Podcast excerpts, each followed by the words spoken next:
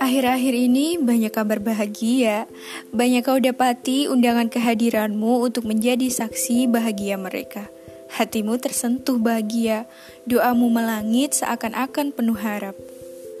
Kapan giliranku, katamu?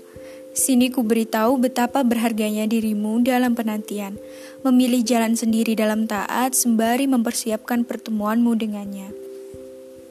Kau isi hari-harimu dengan memperbanyak ilmu, Malammu selalu berisik dengan doa-doa baik untuk saudara seimanmu. Langkahmu selalu tertuju pada umat. Dan uluran tanganmu untuk menyatukan perbedaan. Iya, aku tahu kau masih sibuk dengan proyek langitmu. Dan kau tahu, takdir tidak akan pernah salah. Ketika tiba giliranmu, di situlah kau akan merasakan nikmatnya iman.